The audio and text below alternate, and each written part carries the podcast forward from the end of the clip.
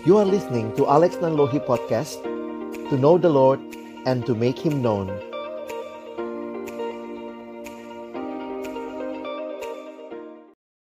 Mari sebelum kita membaca merenungkan firman Tuhan kita berdoa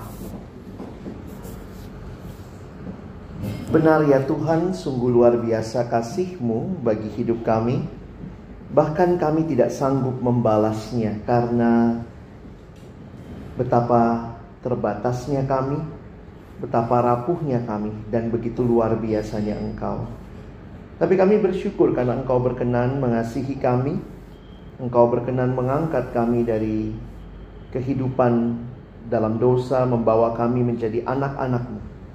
Dan karena itulah kami mau terus hidup di dalammu ya Tuhan. Kami menyerahkan pemberitaan firman Tuhan ketika sama-sama kami akan membuka firman-Mu, bukalah juga hati kami. Jadikanlah hati kami seperti tanah yang baik supaya ketika benih firman Tuhan ditaburkan, boleh sungguh-sungguh berakar, bertumbuh, dan juga berbuah nyata di dalam kehidupan kami. Berkati hambamu yang menyampaikan setiap kami yang mendengar, Tuhan tolonglah kami semua Agar kami bukan hanya jadi pendengar-pendengar firman yang setia, tapi mampukan dengan kuasa dari rohmu yang kudus, kami dimampukan menjadi pelaku-pelaku firman-Mu di dalam kehidupan kami. Bersabdalah ya Tuhan kami umatmu sedia mendengarnya dalam satu nama yang kudus, nama yang berkuasa, nama Tuhan kami Yesus Kristus. Kami menyerahkan pemberitaan firman-Mu. Amin. Shalom. Selamat siang Bapak Ibu sekalian. Kita sama-sama hari ini akan belajar satu bagian firman Tuhan. Mari kita buka dari Hakim-Hakim pasal yang ke-6.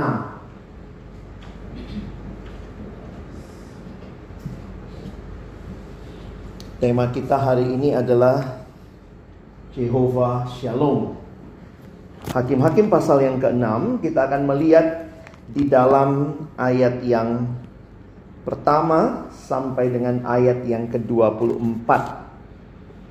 Cukup panjang ceritanya, tapi saya harap kita bisa memahami apa yang ada dalam kisah ini sehingga juga bisa memahami tema apa artinya Yah Yehova Shalom. Saya baca ayat 1, mohon Bapak Ibu Saudara membaca ayat 2, kita bergantian sampai ayat yang ke-24. Tetapi orang Israel melakukan apa yang jahat di mata Tuhan, sebab itu Tuhan menyerahkan mereka ke dalam tangan orang Midian tujuh tahun lamanya.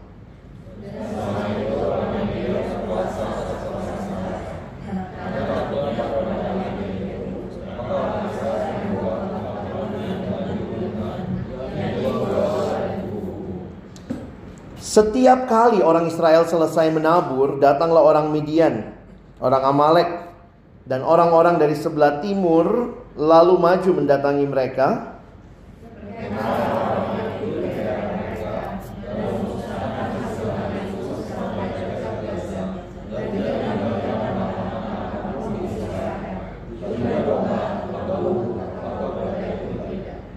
Sebab orang-orang itu datang maju dengan ternaknya dan kemahnya dan datangnya itu berbanyak-banyak seperti belalang. Orang-orangnya dan unta-untanya tidak terhitung banyaknya. Sekaliannya datang ke negeri itu untuk memusnahkannya.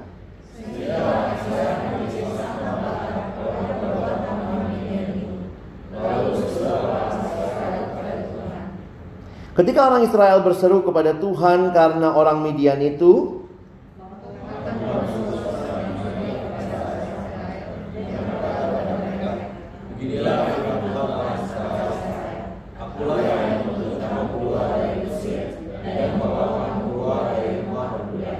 Aku melepaskan kamu dari tangan orang Mesir dan dari tangan semua orang yang menindas kamu. Bahkan aku menghalau mereka dari depanmu dan negeri mereka kuberikan kepadamu.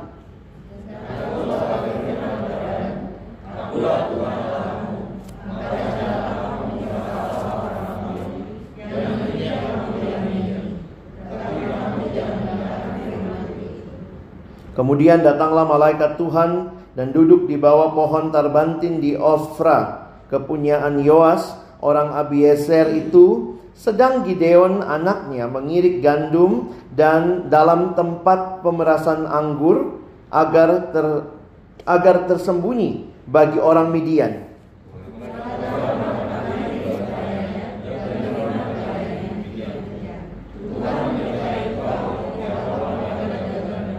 Jawab Gideon kepadanya, "Ah, tuanku, jika Tuhan menghendak menyertai kami, mengapa semuanya ini menimpa kami? Di manakah segala perbuatan-perbuatannya yang ajaib yang diceritakan oleh nenek moyang kami kepada kami ketika mereka berkata, "Bukankah Tuhan telah menuntun kita keluar dari Mesir, tetapi sekarang Tuhan membuang kami dan menyerahkan kami ke dalam cengkraman orang Midian?"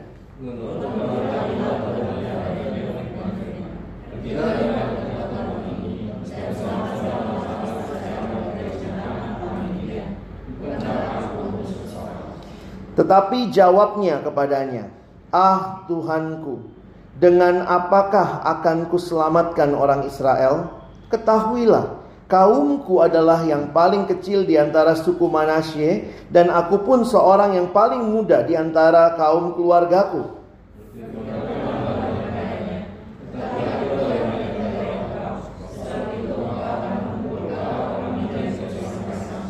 Maka jawabnya kepadanya, jika sekiranya aku mendapat kasih karunia di matamu, maka berikanlah kepadaku benda eh, tanda bahwa engkau sendirilah yang berfirman kepadaku.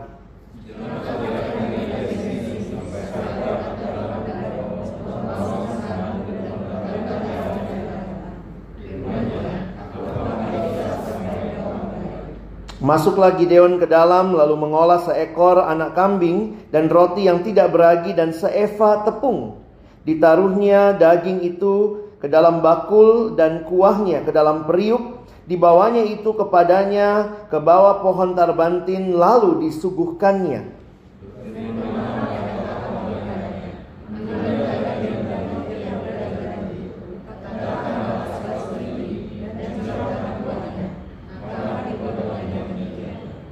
Dan malaikat Tuhan mengulurkan tongkat yang ada di tangannya dengan ujungnya disinggungnya daging daging dan roti itu maka timbullah api dari batu itu dan memakan habis daging dan roti itu.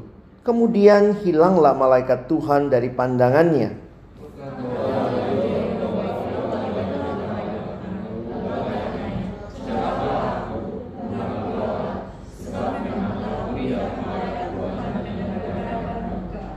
Tetapi berfirmanlah Tuhan kepadanya, Selamatlah engkau, jangan takut, engkau tidak akan mati.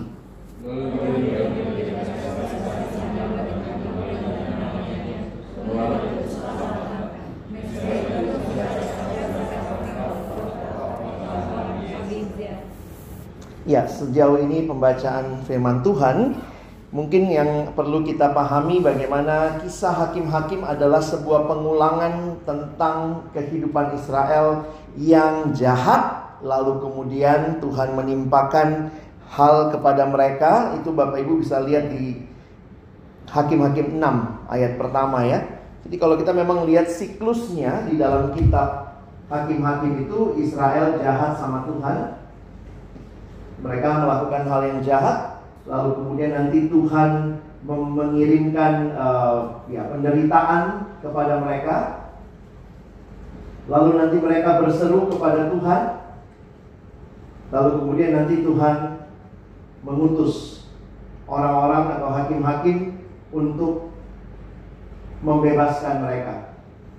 Tapi kemudian nanti jahat lagi. Jadi memang siklusnya kalau lihat di kitab hakim-hakim itu terus berputar seperti itu. Nah, apa yang kita baca di Hakim-Hakim 6 ini, kita pun bisa melihat bagaimana Tuhan sekali lagi menyelamatkan umatnya. Yang di ayat 1, Israel telah melakukan apa yang jahat di mata Tuhan. Sebab itu Tuhan menyerahkan mereka ke dalam tangan orang Midian. Nah, kita akan melihat hari ini kembali tentang satu nama Allah dan saya coba mengajak kita melihatnya begini gitu ya. Nama-nama Allah ini, kalau Bapak Ibu saya dengar sedang belajar nama-nama Allah, mengingatkan kita pada satu pribadi yang tidak pernah gagal. Dia memiliki nama dan karakter sebagai pribadi yang sudah ada sejak awal.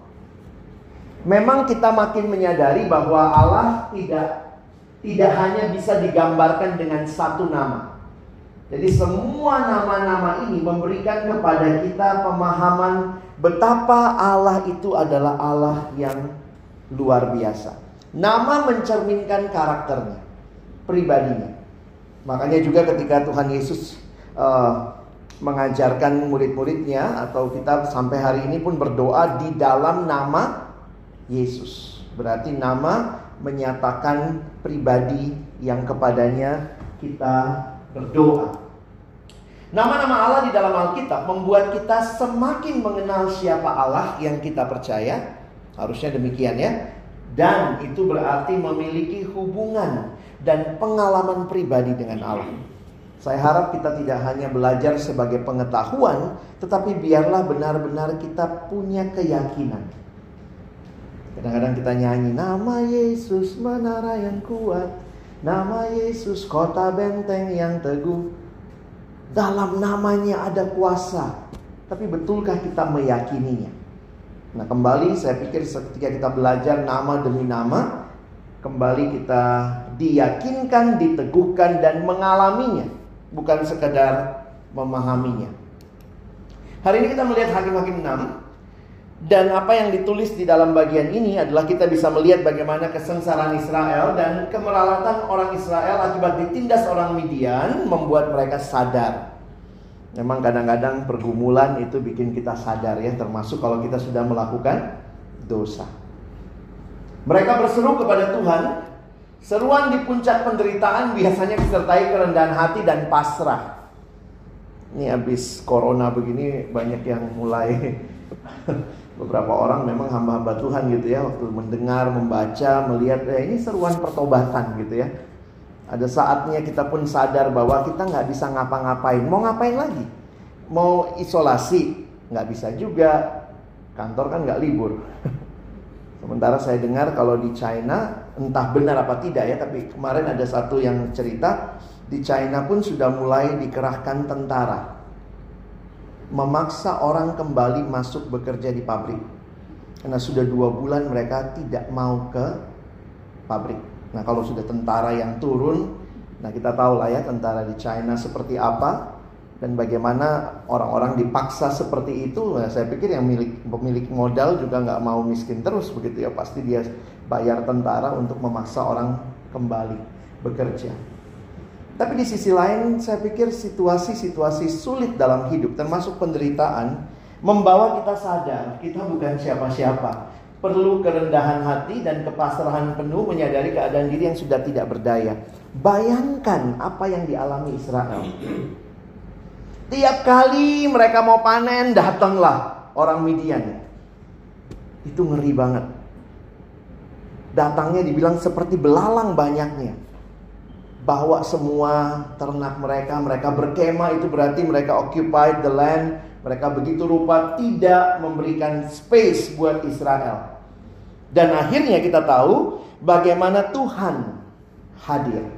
Nah ini sedikit ada masalah atau pergumulan teologis untuk Bapak Ibu pahami sebentar. Karena pertanyaan kita begini, siapakah malaikat Tuhan?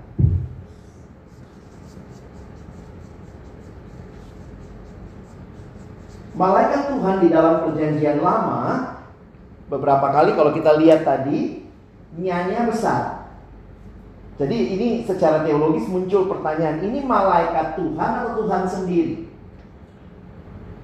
Nah, di dalam uh, pemahaman teologi yang umum, maka malaikat Tuhan kalau di dalam Alkitab dituliskan dengan huruf besar, maka itu berarti juga Tuhan sendiri. Bagaimana memahaminya? Karena malaikatnya bisa kelihatan. Ya, dia pegang tongkat. Dia minta makan, kira-kira begitu ya. Nah, tetapi ini juga mirip seperti Panglima Bala Tentara Tuhan yang bertemu dengan Yosua. Jadi, secara khusus akhirnya kita melihat saya memegang pandangan yang menyatakan bahwa Tuhan menampakkan dirinya dalam bentuk rupa fisik.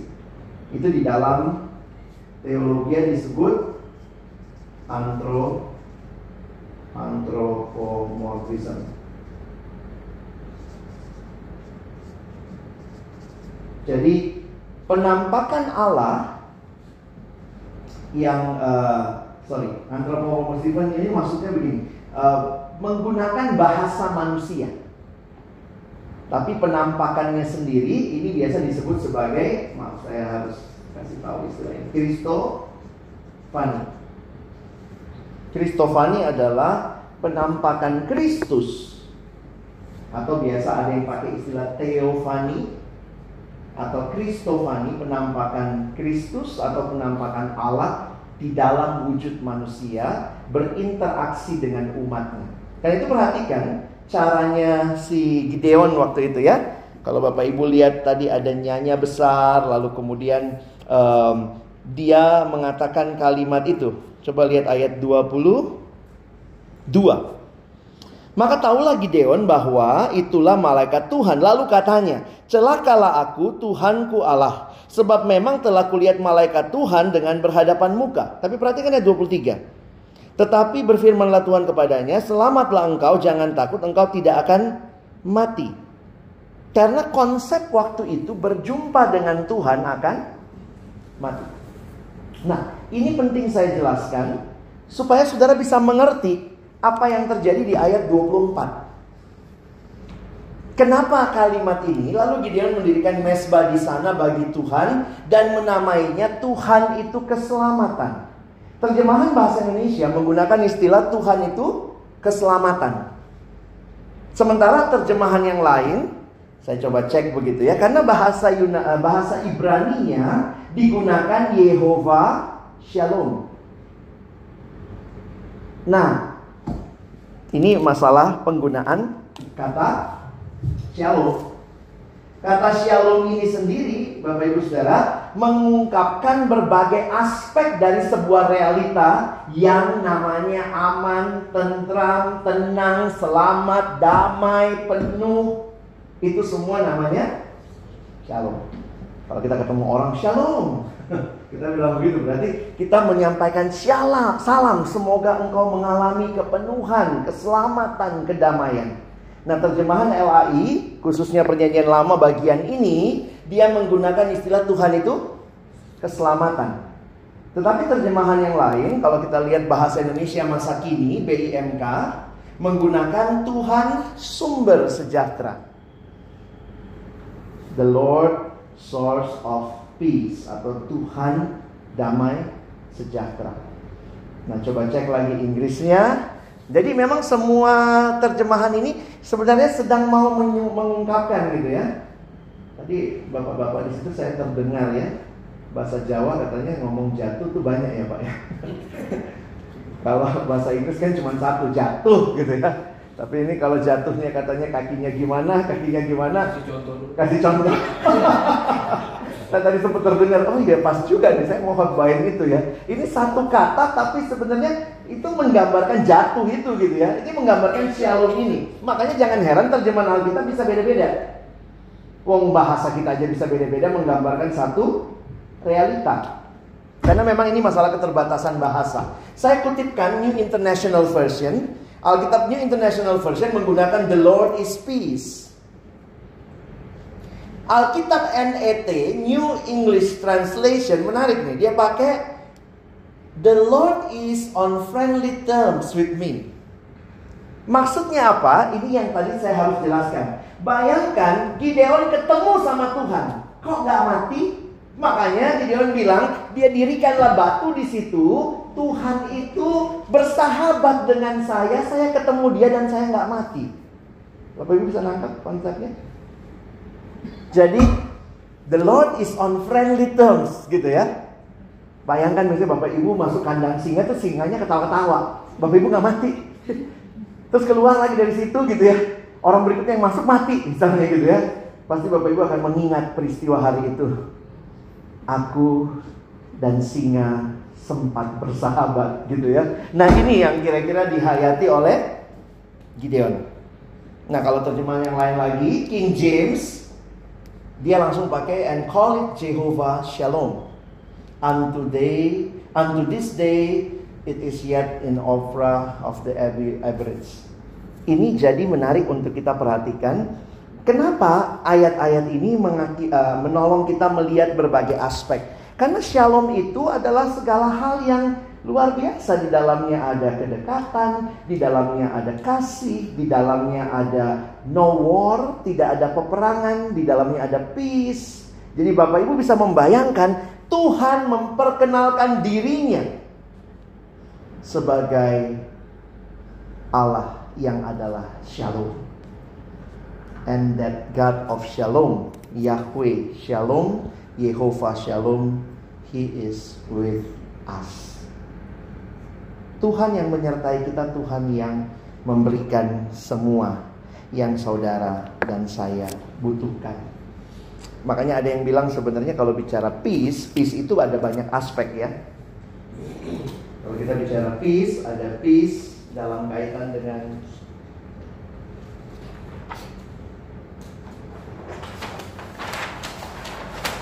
Peace itu bahasa sederhananya no war. Damai itu yang dimengerti orang Israel pada waktu itu dikutip dalam banyak ayat-ayat mereka tidak ada peperangan. Jadi orang yang datang dengan salam damai itu menyatakan saya tidak mau berperang dengan kamu. I come in peace. Nah, peace yang utama adalah peace with God.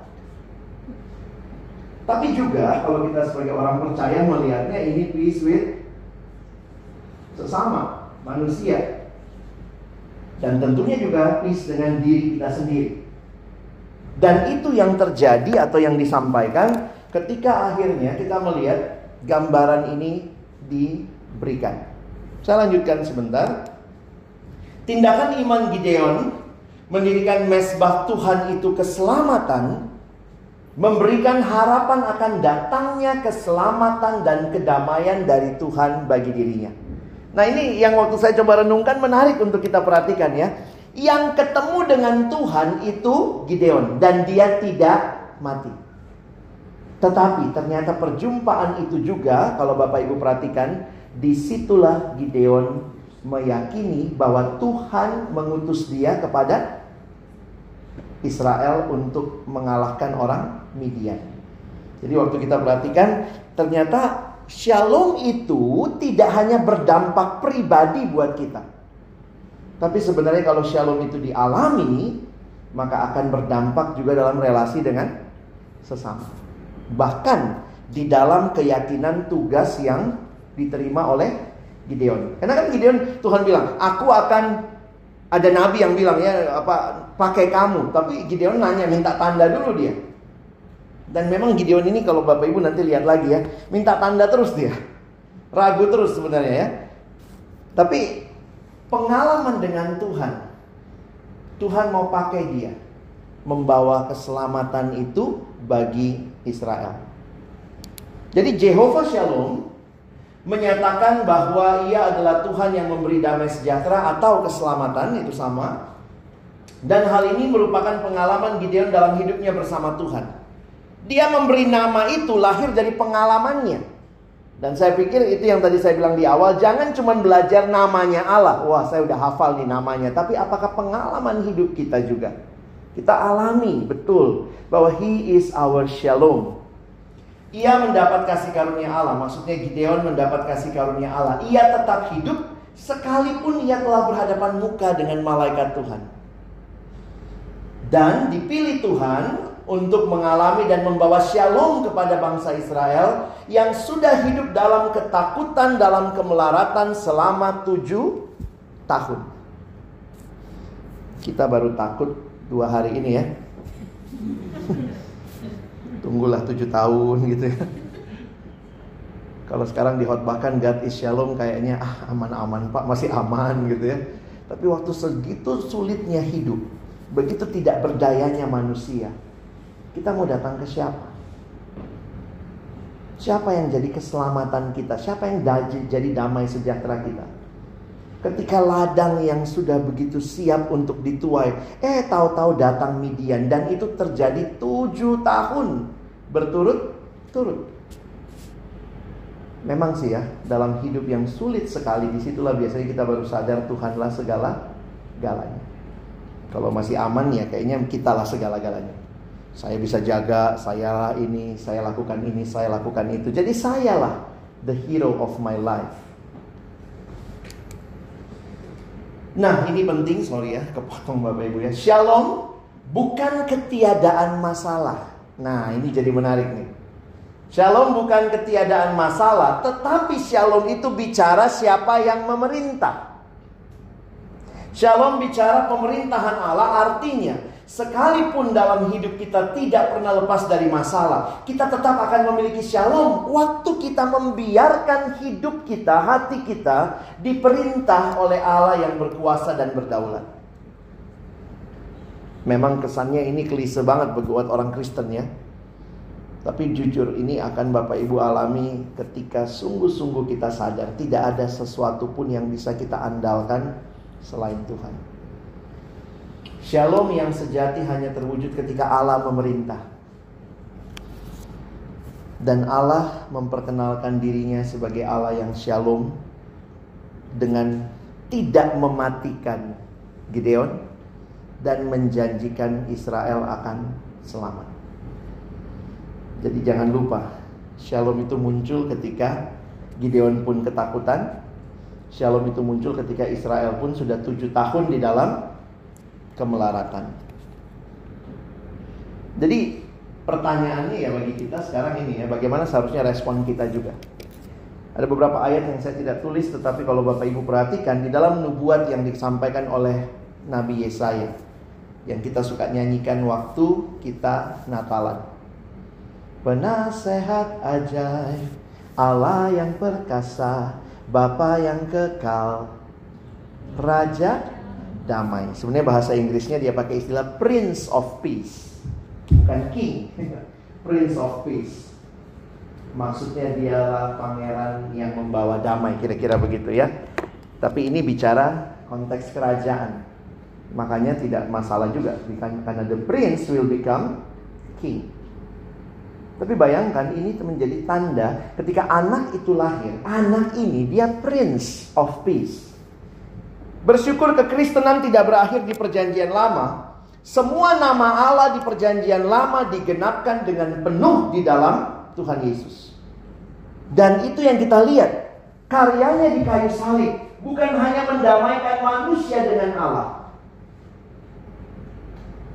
Tetapi juga mendamaikan manusia dengan manusia. Apa artinya damai? No war. Tadinya manusia adalah seteru Allah. Yesus datang mendamaikan manusia dengan Allah. No war.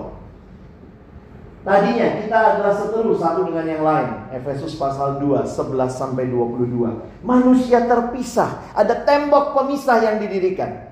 Tapi dikatakan di ayat yang ke-15, Yesuslah yang telah mendamaikan kedua belah pihak.